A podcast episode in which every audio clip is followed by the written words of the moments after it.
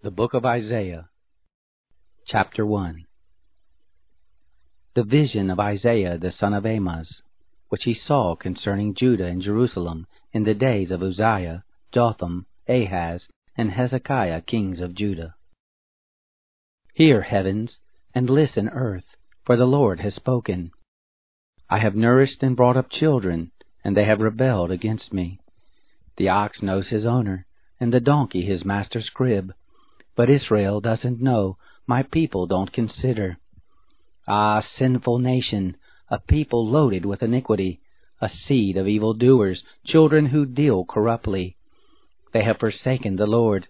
They have despised the Holy One of Israel. They are estranged and backward. Why should you be beaten more, that you revolt more and more?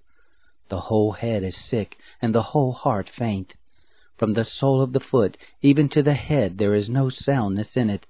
Wounds, welts, and open sores, they haven't been closed, neither bandaged, neither soothed with oil. Your country is desolate, your cities are burned with fire. Strangers devour your land in your presence, and it is desolate and overthrown by strangers.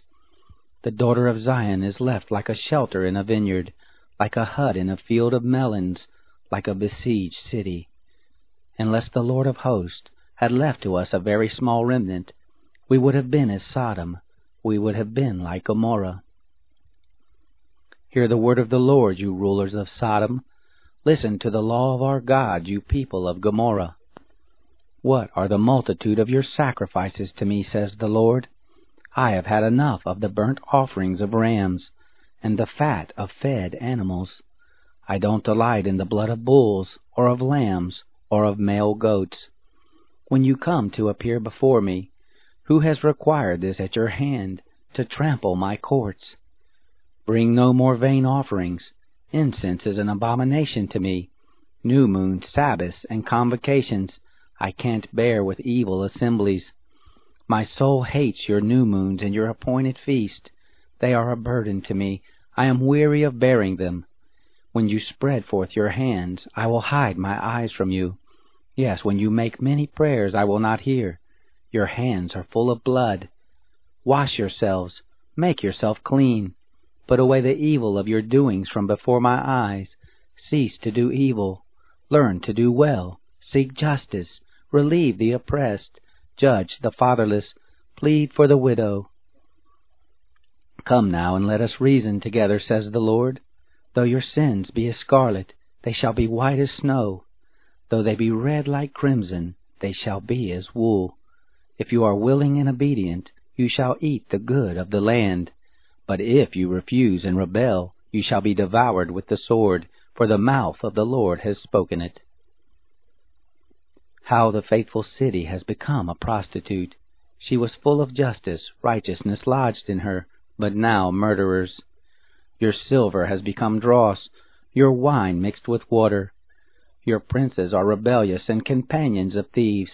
Everyone loves bribes and follows after rewards. They don't judge the fatherless, neither does the cause of the widow come to them. Therefore the Lord, the Lord of hosts, the mighty one of Israel, says, Ah, I will get relief from my adversaries, and avenge myself of my enemies. And I will turn my hand on you, thoroughly purge away your dross, and will take away all your tin. I will restore your judges as at the first, and your counselors as at the beginning. Afterward you shall be called the city of righteousness, a faithful town. Zion shall be redeemed with justice, and her converts with righteousness.